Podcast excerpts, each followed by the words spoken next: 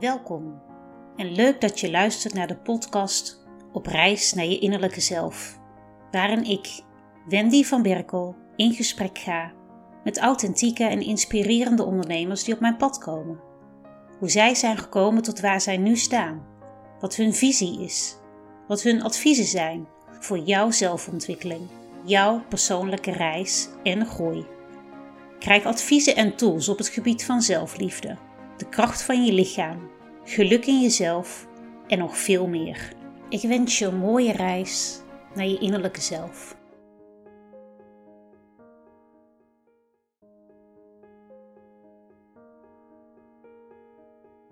Wat als je hier nou alleen bent om gelukkig te zijn? Die vraag triggerde John Bos bij mij in een van onze eerste gesprekken. John Bos is een van de mensen waardoor het bij mij is gaan kriebelen om te gaan podcasten. Want hij heeft iets in de wereld neer te zetten, iets wat gedeeld mag worden, waar meer mensen over mogen weten. Hij heeft mij geïnspireerd om boeken te lezen als The Science of Getting Rich en Think and Grow Rich en hieruit actie te ondernemen. Hij vertelt het in Jip en Janneke taal, waardoor het laagdrempelig is om ermee aan de slag te gaan.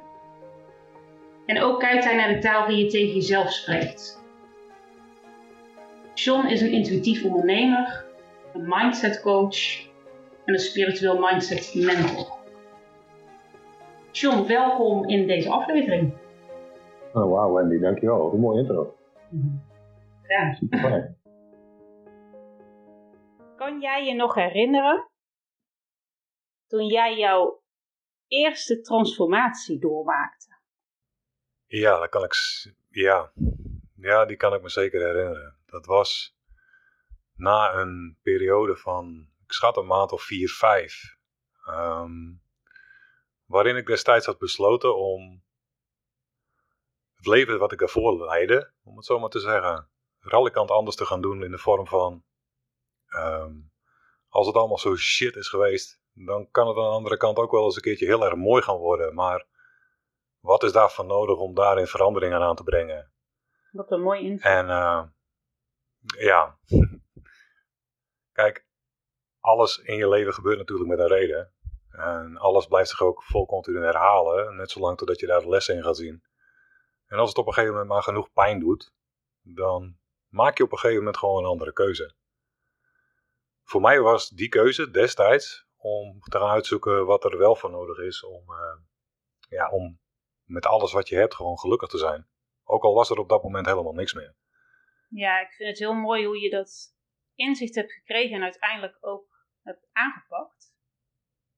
En als jij dat zo voor je ziet, hoe voelde dat toen voor jou toen jij die transformatie had gemaakt? De eerste transformatie was van, wat gebeurt hier? wat is dit? Ehm, het voelt op een gegeven moment alsof er een complete juk van je schouders afvalt. Geen schuldgevoel meer, geen schaamte, eh, geen angsten, eh, bonk van zelfvertrouwen. En ja, een, een lichaam vrij van beknelling, benauwing. Het gevoel van weer heerlijk kunnen ademen in gelukzaligheid. Ja, ja, heel mooi. En ik, ik wil zo dadelijk ook alles van je weten hoe, hoe onze luisteraar hier ook mee aan de slag kan gaan. Ik denk dat het ook goed is om eerst even een stapje terug te doen. Jij hebt eh, ook ooit gezegd van eh, lastige shit hou je niet op je plek, maar maakt het leven makkelijk. Ja, klopt inderdaad. Ehm, ik ben in de overtuiging dat iedere hobbel of iedere obstakel die zich op je pad voordoet, ehm, nog negatief of positief kan zijn, tot op het moment dat je er zelf een label aan hangt. En op het moment dat je je beseft dat en er bewust van bent over het feit dat alles wat je pad kruist, ehm, daar is om jou te laten groeien. Om innerlijke struggles die je bij je draagt, als in geconditioneerd meegekregen vanuit je DNA of ehm, de opgroeiing, hè, zeg maar de omgeving waarin je je hebt bevonden op het moment dat je opgroeide. Uh, overtuigingen in jezelf hebben gevormd waarin je bent gaan geloven. En waardoor dus ehm, je onderbewuste ervoor zorgt om je te blijven behouden in een soort vorm van schijnveiligheid. Jou niet de stappen laat maken, waardoor je bepaalde dingen anders kunt gaan doen.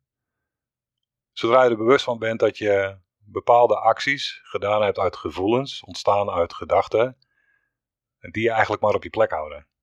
Ik zie het als een soort vorm van schijnveiligheid, omdat er naar mijn optiek niets veilig kan zijn. Ja, want jij hebt ook een verleden waarin jij het niet altijd makkelijk hebt gehad. Hm. ja, dat, dat, klopt inderdaad. En het is iets waar je dan om kan gaan lachen. Um, ja, nee, het verleden is altijd best wel uh, turbulent geweest. Al vanaf vroege, jonge leeftijd. In een omgeving opgegroeid met een hoop depressie, um, burn-outs, altijd maar door blijven gaan. Um, ja, het verlies van liefde, om het zo maar te zeggen. Angst te hebben. Als je mij als kleine jongen had gezien, dan op het moment dat ik bijvoorbeeld een spreekbeurt mocht gaan doen of whatever op school, nou, dan was ik liever drie weken ziek dan dat ik uh, daarvoor ging staan. Dus er was een hoop onzekerheid. Um, nee, het leven, het leven is niet altijd over rozen gegaan. En ik ben er ook heel erg bewust van dat we allemaal hierin ons eigen pad bewandelen. Totdat je op een gegeven moment uh, genoeg donker gezien hebt. En toch wel de neiging krijgt om te gaan bedenken van... hé, hey, hoe, uh, hoe gaan we dit eens een keertje anders doen? Hoe gaan we dat aanpakken? Wat ja, is het? Dat, ja? Dat, dat zeg jij nu. En ergens denk ik...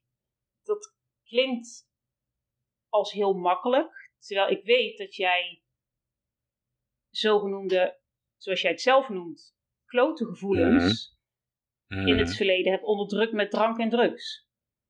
Ja, onder andere, ja, zeker. Drank, drugs, seks. Yes, dat klopt. Het is, het is eh, typisch eigenlijk vluchtgedrag eh, wat je vertoont. Omdat je vanuit onwetendheid eigenlijk niet in de gaten hebt over wat voor manier je er op een andere manier mee om zou kunnen gaan. Ehm, dat wordt je meester op een gegeven moment als je weet wat je daarin kunt gaan doen. En niet enkel en alleen weet wat je daarin kunt gaan doen, wat je daarin voor jezelf kunt gaan betekenen, maar het ook daadwerkelijk gaat doen. En ik hoor je net zeggen van, het klinkt heel erg makkelijk. Ehm, makkelijk wil ik het niet noemen, maar het is wel simpel. Makkelijk zou het zijn wanneer iedereen ten machte was om dit te doen. En um, daar ook zeg maar de wilskracht voor bezit om erachter te komen wat het is wat je eraan kunt gaan doen.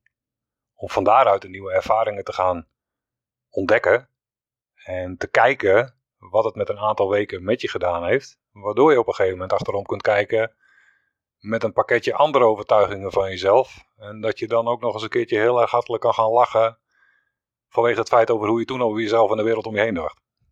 Ergens hou je jezelf dan eigenlijk voor de gek als je in zo'n donkere periode zit. Je houdt je, ja, maar op een gegeven moment zie je het ook even niet meer. Je ziet geen uitweg. Je ziet geen stap vooruit. Enkel en alleen waar je je dan volledig in baat, zijn zeg maar de dingen die zich in het verleden hebben afgespeeld. En de dingen die je in het verleden hebt meegemaakt, zijn dingen die zich ophouden in je verbeelding. Um, herinneringen zijn enkel en alleen maar je verbeelding. Het zijn je gedachten. Het is gebeurd en het komt niet meer terug. Mits dat je blijft baden in de gevoelens en gedachten die die herinneringen jou brengen. Mhm. Maar daarin heb je een keuze. Want het is niets anders dan nu wat je hebt. En het klinkt heel zweverig, maar het is niet anders dan dit. Als je je bijvoorbeeld kunt herinneren hoe je vanochtend bent opgestaan, dan kun je je natuurlijk ook alvast gaan herinneren hoe je vanavond in bed wil gaan liggen. Mits dat je je vast blijft houden aan dingen waarvan je het gevoel hebt dat het de waarheid is. En er niet zo naar kunt gaan kijken als dat het jouw waarheid is. Ja. Nou ja, en dat, dat is het stukje dat ik inderdaad zeg van dan hou je jezelf voor, voor de gek, want je gelooft je eigen waarheid. Klopt. klopt. En dat is enkel uh, jezelf voor de gek houden. Mm, is ook meer een keuze om je vast te blijven houden in een lange pijn. Dan ervoor te kiezen voor een korte pijn. Kun je die uitleggen? Nou, stel je voor, je zit al een jaar of 15 in een relatie waarbij het niet echt helemaal meer lekker voelt. En je probeert je goddelijke best te doen om daar nog iets van te maken. Dat gaat dan de eerste aantal jaren gaat dat dan nogal goed. Alleen op een gegeven moment krijg je het gevoel dat je daar enorm geforceerd in bezig bent. Je probeert een ander ervan te overtuigen van hoe die persoon dan zou moeten zijn om in gezelschap bij jou te mogen zijn.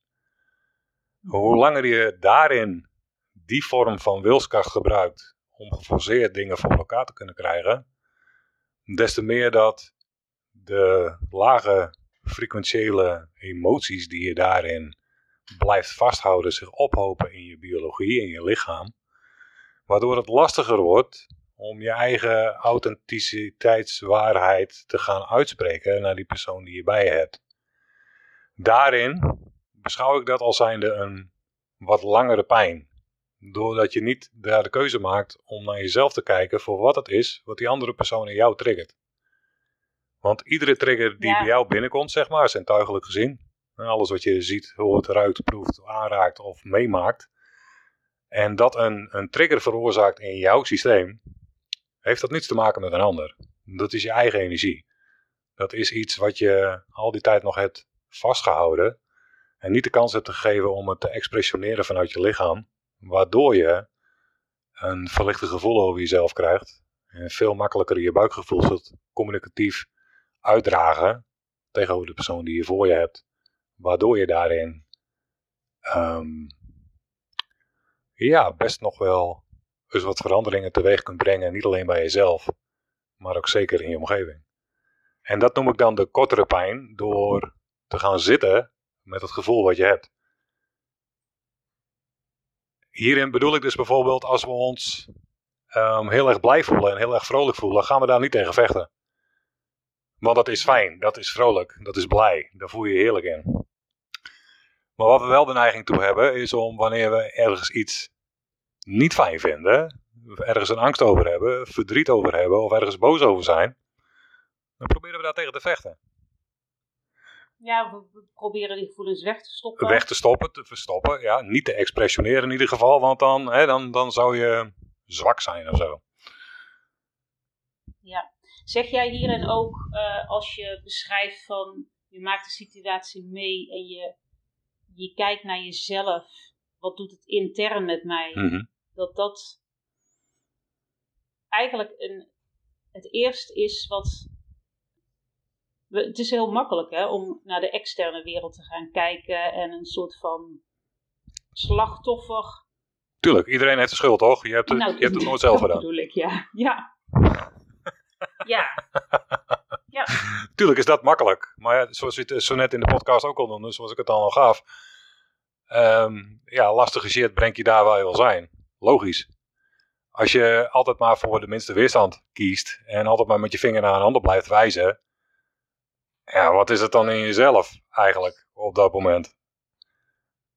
Als je die dingen durft aan te kijken, dan, gaat, dan valt er een juk van je schouders af. En dat noem ik eigenlijk een beetje meer verlichting voor luie mensen. Juist, en als we dan even naar jouw situatie teruggaan. Um, En naar jouw verleden, waarin jij eigenlijk de externe dingen hebt aangepakt, omdat dat ervoor zorgde dat je op dat moment je goed voelde. Mm hoe heb jij die shift kunnen maken om dat inzicht wat jij hebt benoemd van dat zijn die donkere tijden geweest.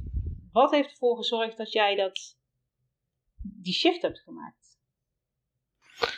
Eigenlijk begon dat destijds met het aan de kant gooien van mijn antidepressiva. Hmm. Voor de zoveelste keer. Voor de zoveelste cyclus, om het zo maar te zeggen. Dat begon al vrij jong, ergens op mijn veertiende. En ik denk dat ik met mijn 36e daar eindelijk eens een keer een punt achter heb gezet. Ik had genoeg depressies meegemaakt. Ik had genoeg burn-outs meegemaakt. Een hoop verdriet, een hoop leed. Een boel woede. Ehm, maar op een gegeven moment is de maat vol. En wat ik toen gedaan heb, is op zoek te gaan naar een manier waarop je dus uh, wel gelukkig kunt zijn met alles wat er is wat je hebt. En dat begon bij mij op een andere manier van denken aan te leren.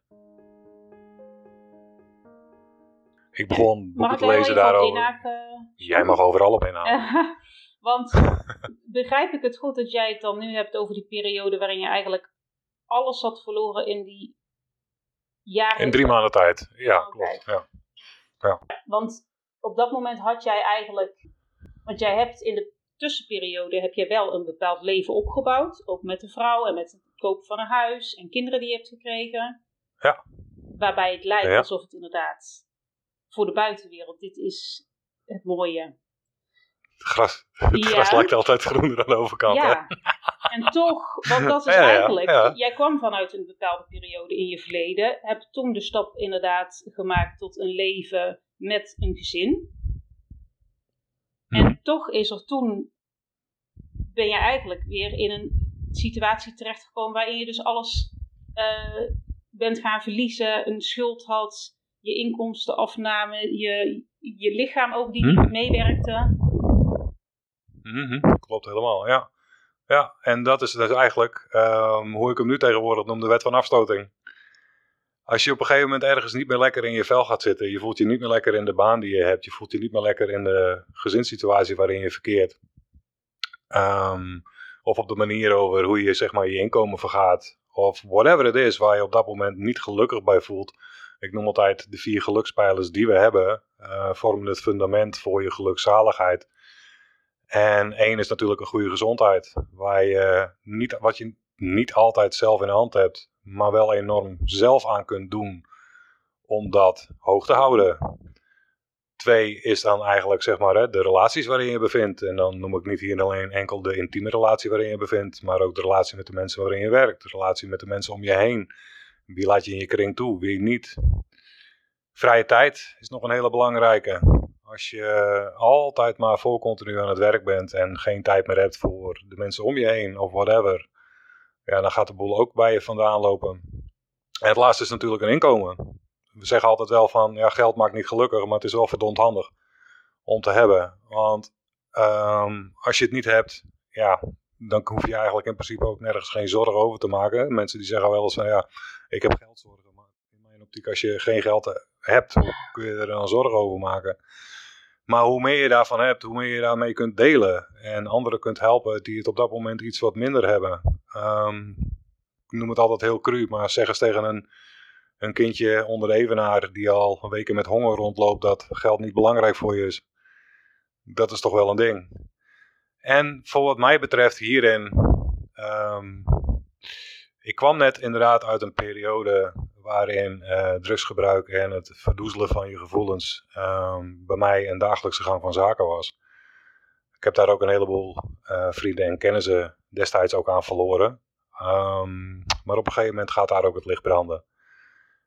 Je voelt je namp, je hebt geen emoties meer. Um, je kunt jezelf niet meer onderscheiden voor wat het nou is wat je voelt. En op een gegeven moment als je dat gaat beseffen, dan is het zoiets van, nou weet je wat, dit moet toch anders. Ook al ben je aan alle kanten in het begin gewaarschuwd van, hé man, uh, gaat het wel goed met je? Ja, ga eens even aan de kant, ik weet toch donders goed wat ik doe. Maar ook daarin heb je dan de oogklep op.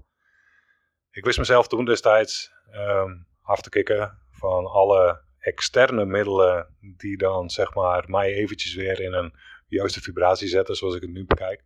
Wat er eigenlijk voor zorgde dat um, alle delen in je lichaam en ook zeker in je brein helemaal gewoon compleet gedeplete worden omdat je het externmatig continu een boost aan het geven bent.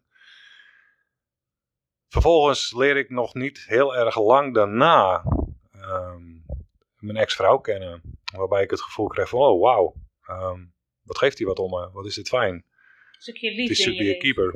Ja, this should be a keeper. Precies, ja. Erkenning daarin. Van wauw, wat is dit? Dit is fijn, dit is mooi. En we hebben ook hele mooie periodes gehad, tuurlijk. Dat was super fijn. We zijn 17,5 jaar getrouwd geweest, waarbij ik, naar mijn gevoel, de laatste 3,5 jaar echt zoiets had van, ja, we leven langs elkaar heen. We hebben dan wel een tof, leuk gezin. We hebben twee fantastische mooie kinderen, maar we leiden eigenlijk beide ons eigen leven.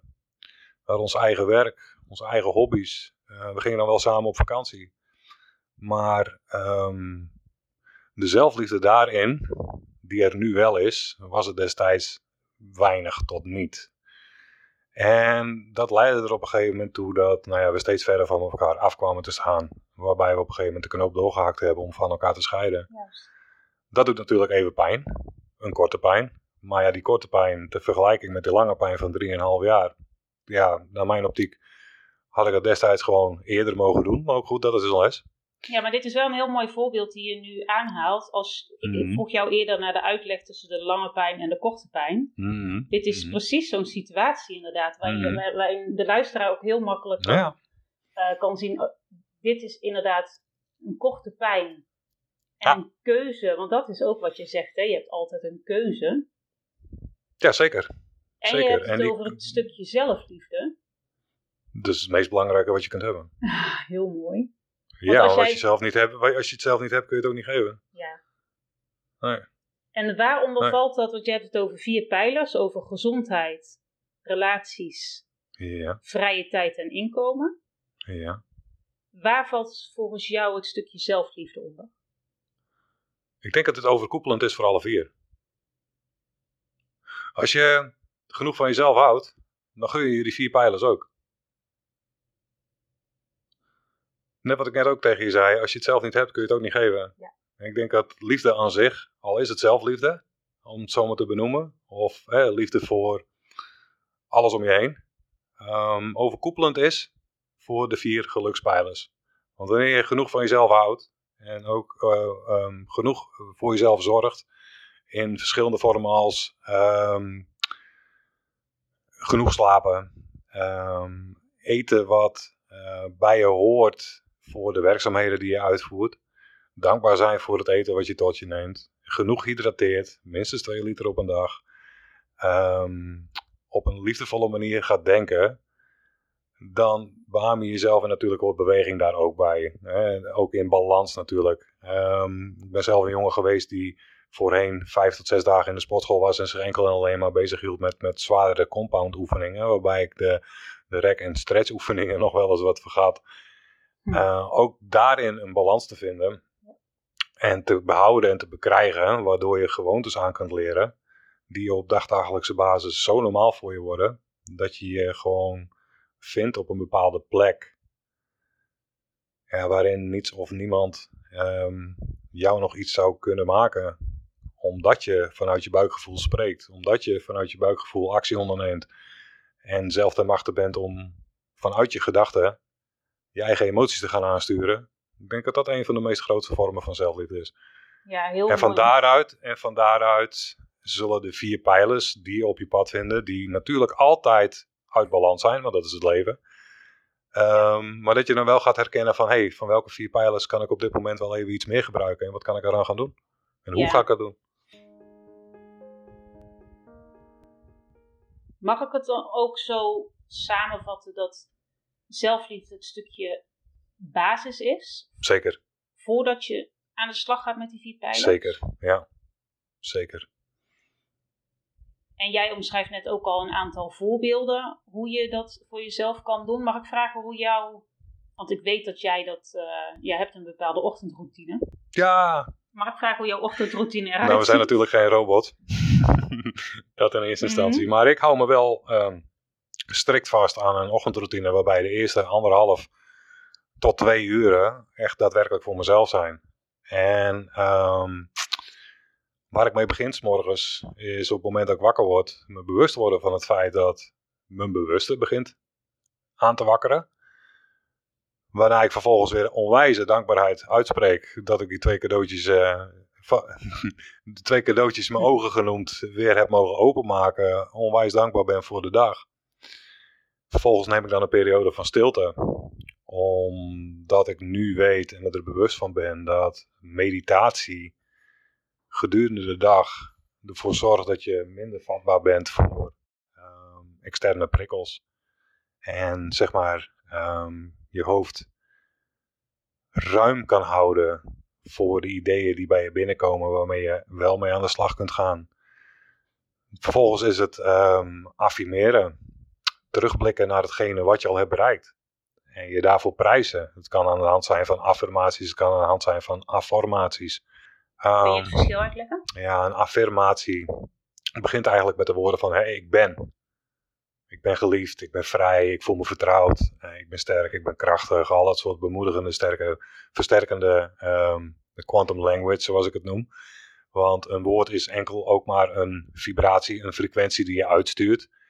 En die vibratie en die frequentie die je uitstuurt, doet tegelijkertijd iets met de vibratie en verbinding in je lichaam. Um, ja, wat, wat, wat een versterkend gevoel teweeg brengt. Een afformatie daarentegen. We zijn heel erg vaak geneigd om de vraag te stellen van waarom gebeurt mij dit? Of waarom, in negatieve zin bedoel je negatieve zin. Waarom is mij dit overkomen? Waarom dit? Waarom dat? Je kunt hierin ook een 180 graden versie omdraaien en te zeggen van waarom ben ik zo geliefd? Waarom vertrouwen zoveel mensen mij? Waarom heb ik het gevoel dat alles wat ik nodig heb in mijn handen terechtkomt? En als je dus een affirmatie op deze manier gaat uitspreken, en dit in combinatie met meditaties, visualisaties, uh, journaling technieken, noem het allemaal maar op, dan komen de antwoorden die je nodig hebt om daar te komen waar je zo graag wil zijn. En een gezond lijf, en een, uh, een voldoende middelen om leuke dingen mee te gaan doen, genoeg vrije tijd en een goede gezondheid. Als je gebruik maakt van affirmaties, Ehm, in combinatie met wat ik net genoemd heb, ga je antwoorden krijgen van de dingen die je mag gaan uitvoeren om daar te komen. Dat is eigenlijk een beetje het verschil hierin tussen een affirmatie en een afformatie. Ze zijn beide versterkend. Ja, dankjewel voor je uitleg. Mm, you're welcome. Um, beweging is nog een hele goede. Ik wissel zelf uh, wat, wat yoga technieken af met, uh, met krachttraining. Uh, ook om daar de balans in te vinden. Ademhalingsoefeningen zijn zoveel verschillende van. En net wat ik net aan het begin ook tegen je zei, kijk, we zijn er geen robot. Maar ik vind het altijd wel leuk om te verdiepen in mensen die op een andere manier hun ademhaling um, ja, doen en praktiseren. En zeker ook mensen die daar een heleboel mee hebben bereikt. Dus je kunt ook verschillende soorten ademhalingstechnieken combineren in je visualisaties, je meditaties. Um, een wandeling, een wealth walk, een vorm van meditatie die die in 20 minuten ook al helemaal lekker in je lijf zet. Uh, vervolgens ga ik... Ja, en ik denk dat het belangrijkste ook is dat mensen ervoor kiezen datgene wat voor hen goed Precies. is. Want er zijn heel veel verschillende manieren. Zeker, 100%. Dat ben ik helemaal volledig met je eens. En ieder moet gewoon doen, in mijn optiek, en ieder mag gewoon doen in mijn optiek, wat voor die persoon het, het, het fijnste voelt. Kijk, ik ben dit nu voor mezelf een jaar of vier aan het praktiseren geweest. En ook hierin ken ik mijn ups en downs. Maar wat ik wel merk is dat ik me s'morgens, en dat klinkt misschien heel gek, als ik bijvoorbeeld nu tegen de luisteraar ook uitspreek dat je s'morgens een uur, anderhalf of misschien wel twee uren voor jezelf moet gaan pakken. Ja, dan krijg je nogal vaak de neiging om te zeggen van ja, hé, hey, uh, jij hebt geen kinderen, die hoeven niet naar school, je hoeft de hond niet uit te laten, je hoeft dit niet, je hoeft zus niet, je hoeft zo niet. Maar ik kan wel zeggen dat in de periode dat ik nog in een vijf ploegendienst werkte en um, dit mijzelf tot gewoonte maakte, dat de dingen toch wel vrij snel begonnen te veranderen. En hierin is ook dat stukje zelfliefde van ja, gun je het jezelf. Gun je het je omgeving. Dat er bepaalde dingen zijn, bepaalde handelingen, bepaalde gewoontes die je zelf mee aangeboren bent of aangeleerd hebt of aangepraat zijn door het onderbewuste van een andere. Um, die je eigenlijk de pas op de plaats laten houden. Gun het jezelf dan om wat eerder te gaan slapen je slaap misschien enigszins de eerstkomende periode iets te gaan inkorten om deze stap te gaan maken. En daadwerkelijk wel gecommitteerd te zijn aan jezelf. Want op de plaats waar je je bevindt ben je ook niet van de een op de andere dag gekomen. Het heeft af en toe gewoon wat tijd nodig. Maar je kunt tijd wel gaan laten imploderen. En hierin de keuze maken voor jezelf om er daadwerkelijk wel mee aan de slag te gaan. En het hoeft niet meteen een uur tot anderhalf uur te zijn. Het kan ook twintig minuten zijn wat je later gaat uitbouwen net wat je zelf ook aangeeft. Hè? Het is maar net wat je voor jezelf wil. Wat je jezelf gunt. Ja, en ik geloof ook altijd wel in kleine stappen te maken. Zeker. Omdat uh, wat jij inderdaad aangeeft, jij geeft ook aan slaap is heel belangrijk voor je. Jij geeft aan dat je inderdaad uh, ruim de tijd in de ochtend neemt. Dat is als je een druk gezinsleven hebt, jonge kinderen, als ik voor mezelf spreek, mm -hmm. is dat inderdaad is dat niet te doen. Maar dan is het in kleine stappen inderdaad denken van zet de wekker een keer 20 minuten eerder. Dat, ja. Dat soort Ja, dat, dat soort het, dingen, is, ja. het is even disciplinair, maar alle gewoontes worden normaal voor je. Als je iets normaal wil gaan noemen, uh, ook zeg maar de snoesknop indrukken. En dan te beseffen dat je eigenlijk met vijf minuten wel de broodtrommels gevuld moet hebben. En als een haast naar school moet gaan, omdat je natuurlijk wil dat je kinderen wel op tijd gaan zijn, is ook een gewoonte. Juist. Ja. En hoe fijn is het dat je dat vanuit alle rust kunt gaan doen. Zonder dat je geprikkeld wordt door kinderen die vragen om hun, om hun speelgoed. Of hun kleren niet willen aantrekken of whatever. Kijk, het is als, als, als, als volwassene, om ergens leiderschap in te pakken, um, ook uit te stralen naar hoe je het fijn zou vinden, op welke manier dat je eigen kinderen daarin gaan opgroeien. Wat doe je dan liever? Tegen ze zeuren dat ze weer eens niet op tijd zijn om hun kleren aan te trekken? Of op een communicatief vaardige manier en liefdevol met ze om te gaan? En ze op een verstandige manier te kunnen gaan uitleggen ja, wat eigenlijk de reden is om wel hiermee fijn door te zetten en het samen te gaan doen. Ja. Hierin mag je leiderschap pakken.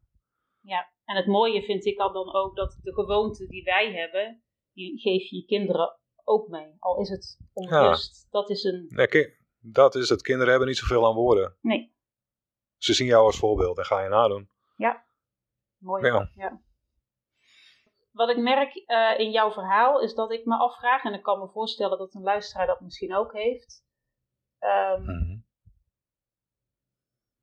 Heb jij het dan heb jij die stap alleen gemaakt?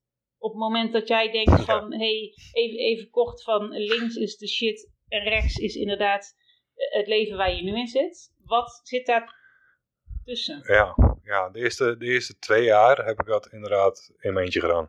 Ja, klopt. En het meest bizarre daarvan is, is dat je je op een gegeven moment in een bepaalde periode toch best eenzaam gaat voelen omdat hè, de materie die je gaat, gaat, gaat, gaat toepassen en wat je allemaal leest en wat het ook allemaal is wat je op je pad komt. Dat je denkt van, hé hey man, um, anderhalf jaar geleden stond je nog met je, met, je, met je enkels in de klei uit je boerenkool.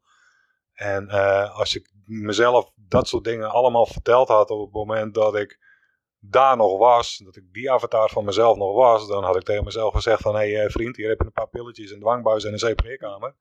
Maar wat jij me hier op dit moment aan het vertellen bent, dat is allemaal koekoek, abracadabra en er klopt helemaal geen zak van. Nou, totdat je op een gegeven moment wel de ervaringen gaat krijgen dat het dus wel werkt, kan dat in eerste instantie een enorme eenzame weg zijn.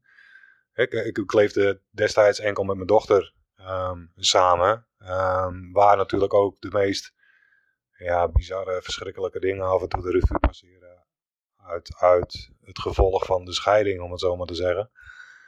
Um, maar als je het op een gegeven moment meester bent en bepaalde ervaringen gaat meemaken um, door de manier waarop je bezig bent, en daarin komen er steeds meer fantastische mooie dingen op je pad, ga je ook als vanzelf de mensen om je heen aantrekken die dezelfde gedachtegang als jou hebben, die dezelfde vibraties uitsturen, die hetzelfde beeld hebben van over hoe het ook zou kunnen. En daarmee krik je natuurlijk hè, het, het, het, het, onwankelbare vertrouwen in jezelf op. Dat het pad wat je nu aan het bewandelen bent gewoon klopt. Juist. En dan kun je er op een gegeven moment niet meer omheen. En dat is eigenlijk wel eentje van, een van de, nou, de grootste shifts die je daarin kunt meemaken. Ja, heel mooi. Want dat is eigenlijk ook wat ik heel vaak bij jou hoor. Is als wij elkaar spreken. Mm. Jij, jij maakt een bepaalde fase door. En in die fase krijg je weer bepaalde mensen op jouw pad. Ja, klopt, ja. En ja, En dat zijn soms, het lijken soms wonderen, om het zo te zeggen. Zijn het ook. Ja. Zijn het ook, ja. ja. wonderen bestaan, echt. Juist, mooi gezegd, ja. Het lijken geen wonderen, dat zijn Het zijn wonderen, ja. Ik, weet, ik, ik, doe de uitspraak ook wel weer eens. Ik, ik, weet je, ik verbaas me nergens meer over. Ik verwonder me alleen maar. En ik ben meestal zo vreed radicaal dankbaar voor de dingen die zich dan weer ontstaan. Ook al heb je daarvoor een aantal dagen gehad dat je denkt van, uh, waar zitten we nu? Wat is er aan de hand? Maar ja, dan op een gegeven moment ook uit ervaring ga je weten dat er in het oncomfortabele richting het comfortabele weer zo onwijs veel schoonheid zit. Omdat je gewoon weet dat er weer een sprongetje aan zit te komen. Juist, dat stukje dankbaarheid is ook een belangrijke. Ja, kijk, dankbaarheid en waardering vind ik nogal een verschil in zitten persoonlijk nu. we, we, wat, wat je vaak meemaakt is dat mensen wel de woorden uitspreken van ja, ik ben, ik ben zo dankbaar voor dit, ik ben, ik ben dankbaar voor dat. Wat ik hier vaak nog wel eens in tegenkom is dat we ehm, de vibratie daarin nog wel eens ontbreekt. Het is hetzelfde als dat je bijvoorbeeld aan iemand gaat vragen van... hé, hey, hoe gaat het met je? Ja, goed. Ja. Dat is meestal meteen de eerste uitspraak die je krijgt. Goed. Of uh, hoe gaat het nou echt met je? Weet je wel, de tweede vraag die je dan stelt. En dan komen er op een gegeven moment wel dingen boven water waarvan je denkt van... nou, gaat het dan echt wel zo goed met je? Weet je wel? we spreken soms ook wel eens over dankbaarheid alsof het een, een, een, een, iets is wat je in een supermarkt kunt kopen. Ik verkies tegenwoordig, dat is mijn ding, ehm, meer voor actieve waardering. En ik neem daar dan ook de tijd voor. Bijvoorbeeld als je een fantastisch mooi bord met voeding voor je hebt staan in alle kleuren van de regenboog. Dat je daarin ook je waardering uitspreekt aan, nou ja, planeet Aarde. om haar te bedanken voor het feit dat ze dit teweeg heeft mogen brengen. En dat je jezelf je eigen liefde erin hebt mogen steken om het dan vervolgens ook tot je te nemen. Het doet meerdere dingen. Ehm, je hebt de waardering voor de planeet die het voor je verzorgd heeft om het zover te krijgen. Je hebt waardering voor jezelf uitgesproken dat je er een lekkere maaltijd voor van gemaakt hebt. Nou, en als je dan dat dan tot je neemt, dan kun je je voorstellen hoe de energie die je dan tot je neemt ook zeg maar weer tot expansie leidt in jezelf. Ehm, als je het op deze manier doet, enkel alleen al met je voeding, ja, dan ben je al gauw met 20 minuten waardering bezig. Wat ook weer andere delen in je brein en in je lichaam gaat aanspreken. Waarbij het voor jou tot een gewoonte wordt om meerdere dingen te gaan waarderen voor wat het is. Zelfs die donkere ja, stukken. Ja, dit is echt een stukje bewuster leven. Klopt. En van een, van een gewoonte die je in Want we eten, we eten iedere dag. Je maakt iedere dag, maar... Ja, ja, het, het, het ja het, het, hoeft niet, maar ja, we zijn wel gewend om dat te doen. De meesten hebben drie maaltijden op een dag, waarbij um, dat soms ook heel vluchtig gaat, want we doen het even tussendoor. Dus ik vind het mooi als jij het over gewoonte hebt, dat dat inderdaad ook een nieuwe gewoonte kan zijn van de dingen die je sowieso al mm Klopt. op een dag doet. Ja, ja, dus net als, als, als een, een douche nemen bijvoorbeeld. Ik ben dan nu voorstander van, van lekker koud douchen. Ik kan me ook voorstellen dat een heleboel mensen daar nog als een, als een, als een, ja, als een berg tegenop kijken. Ehm, maar de ervaring die je op een gegeven moment krijgt, op het moment dat je eraan gewend bent, en dan ook het verschil gaat voelen tussen een lekkere warme douche, die ik af en toe ook zeer zeker nog ambieer. Maar het verschil tussen een warme en een koude douche, die kan zo intens groot zijn. En de voordelen ervan ook. Maar dat kun je enkel en alleen maar meemaken als je je wilskrachtig vasthoudt om dat mee te willen maken. Ja. En als het dan alsnog niks voor jou is, ja, dan laat je het. Ja. Ik moet hier nu ook denken aan een stukje, jij zegt hydratatie is belangrijk, 2 liter op een dag. Daar heb je ook een mooie over, hè? Over mm geven en ontvangen. Ja, ja dat, dat. Kijk, zie het ook als ademen. Um, voor mijn gevoel, en dat is mijn gevoel, zitten we in, in deze eeuw, zeker al een jaar of veertig, in een eindigste vorm van disbalans voor betreft de mannelijke en de vrouwelijke energieën.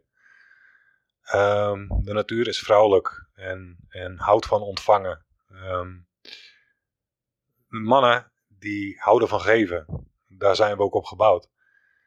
Maar om hierop terug te komen, voel ik daar enigszins een beetje een disbalans in. Ook voor wat betreft de eh, emancipatie en al dat soort dingen. Er staan een hele hoop vrouwen gewoon keihard te bikkelen voor hun purpose. Keihard te bikkelen voor hun gezinsleven. Keihard te bikkelen voor van alles. En um, ze zijn voor mijn gevoel het ontvangen van een beetje kwijtgeraakt. En de mannen daarentegen met het, het, nou ja, het macho gedrag wat zich af en toe vertoont. Wat in mijn gevoel wel een beetje aan het wegappen is.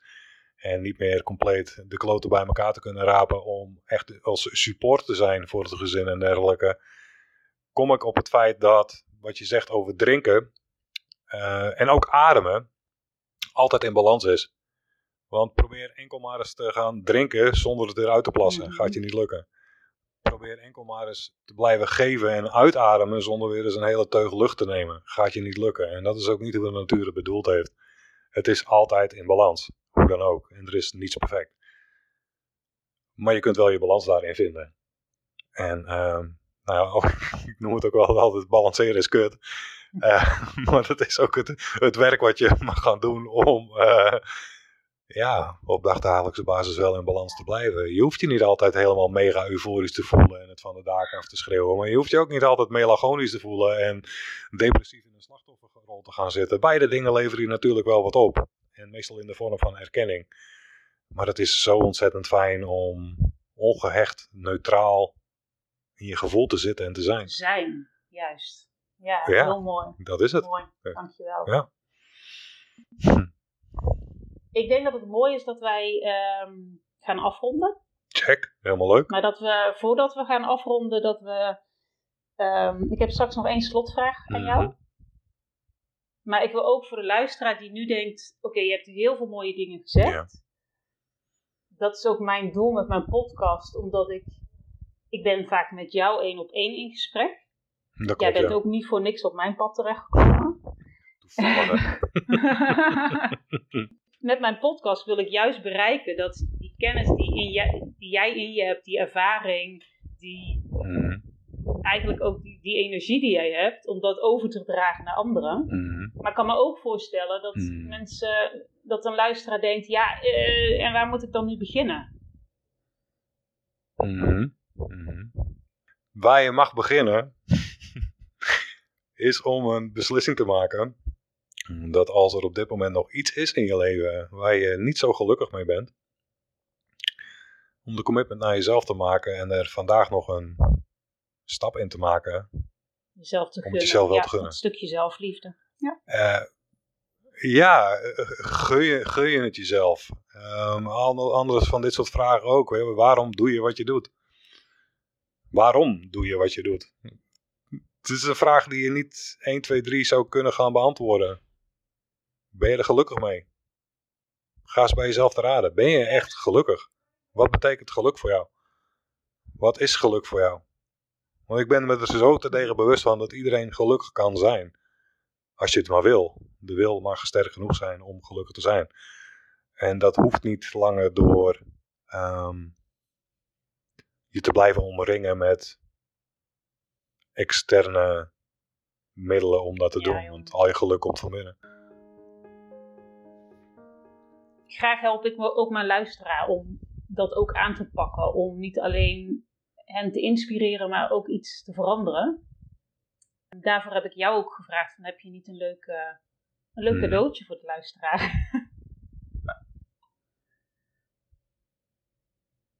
Oh ja, zeker. Ik heb al een hele fantastische mooie vierfase meditatie voor ze. Um, het is een soort van ja, ik noem hem een beetje een neurale paden inslijt meditatie. Klinkt misschien een beetje boers en een beetje gek. Maar wat het doet is, het brengt je van vier fases um, naar die persoon die je in verbeelding hebt over wie je zou willen zijn. En daarin is het wel van belang dat je jezelf een aantal vragen gaat stellen van ja, wie is het wie ik wil zijn? Met wie wil ik omgaan? Wat wil ik hebben? Wat wil ik doen? Hoe wil ik dat gaan doen? Waar sta ik over vijf jaar? Um, als je zonder oogkleppen op daarvan een plaatje in je verbeelding kunt gaan schetsen, dan kan de meditatie die ik voor je heb. En als je dan committed bent naar jezelf en dit bijvoorbeeld een dag of 21 achter elkaar gaat luisteren, dan kan je na 21 dagen nog wel eens achterom gaan kijken en heel erg dankbaar zijn voor die stappen die je gemaakt hebt. Doordat je jezelf dagelijks in het gevoel weet te drenken in de persoon als wie je zo graag zou willen zijn. Ik denk dat dat wel een hele mooi begin is. Dat vind ik een heel mooi cadeau. Want dat is wat, hmm. ze, wat ze ook zeggen, toch? Dat je 21 dagen nodig hebt om, een, om iets te... Ja, het is, het is maar waar je in gelooft. Zelf ben ik nu van mening en ten machte om bepaalde dingen in 24 uur al te shiften. Ja, maar jij bent... maar dat kan ook, dat kan ook iedereen. dat kan ook iedereen als je de, wils, als je de wilskracht ervoor hebt. Mm ja. En dat wil niet zeggen dat ik geen shit tegenkom, hè? Iedereen komt shit tegen. Ja, Vrij simpel, maar het is, het, het, is maar net hoe je ermee omgaat. Ja. En de dingen veranderen niet. Alleen de manier over hoe jij ermee omgaat, kan je veranderen. Ja, heel mooi. Ik zou nog heel lang met je door willen praten. Uh, maar we gaan... Dat doen we ook vast wel. dat doen we ook vast zo, ja. um, ja, in de outro uh, hoort de luisteraar meer hoe die aan deze mooie meditatie kan komen. Ik mhm. wil jou nog één laatste vraag stellen. En yes. dat is, als jij advies zou mogen geven aan de jongere John, wat zou je hem dan vertellen? Oh jeetje, die vraag heeft mijn kippenvel, wat fijn. advies kunnen geven aan de jongere John? Ik zou hem op dit moment geen advies willen geven. Ik zou wel tegen hem willen zeggen van... Je hebt gedaan wat je kon doen. Ik ben trots op je. Ik vind het super mooi hoe je het gedaan hebt. En dank je wel voor alles wat je hebt meegemaakt. Zodat ik nu kan doen wat ik aan het doen ben. Mooi. Ja, ik, weet je, ehm, ik heb het in het begin van de podcast ook gezegd. Iedereen bewandelt zijn eigen pad, maar iedereen heeft ook, krijgt ook de lessen voor zich. Um, die die mag gaan leren. Om daadwerkelijk ook echt je purpose te gaan uitdragen voor waarom je hier bent. En zonder dat de kleine John dat had meegemaakt, dan had hij nu niet zo gezeten als wat hij nu zit. Nou, vind ik een hele mooie om uh, mee af te sluiten. Ik dank jou hmm. voor, jou, voor jouw openheid. You're welcome. Ik ben een open boek. Ja. En ook voor... Uh... Ik heb niks meer, uh, niks, niks, niks meer te verstoppen en ook niks meer te bewijzen. Dus. Ja, mooi. mooi dat je het deelt. Dankjewel. Ja. hey, dankjewel voor deze podcast. Heerlijk. Ja. Enorm gewaardeerd. Heel Super graag gedaan.